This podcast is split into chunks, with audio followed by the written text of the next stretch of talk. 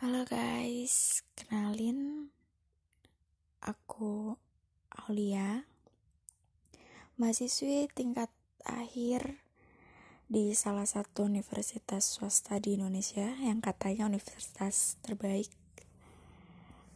Um, di sini aku bakalan cerita-cerita masalah pribadi aku, pengalaman sih lebih tepatnya, mulai dari pertemanan, relationship dengan pasangan, orang tua,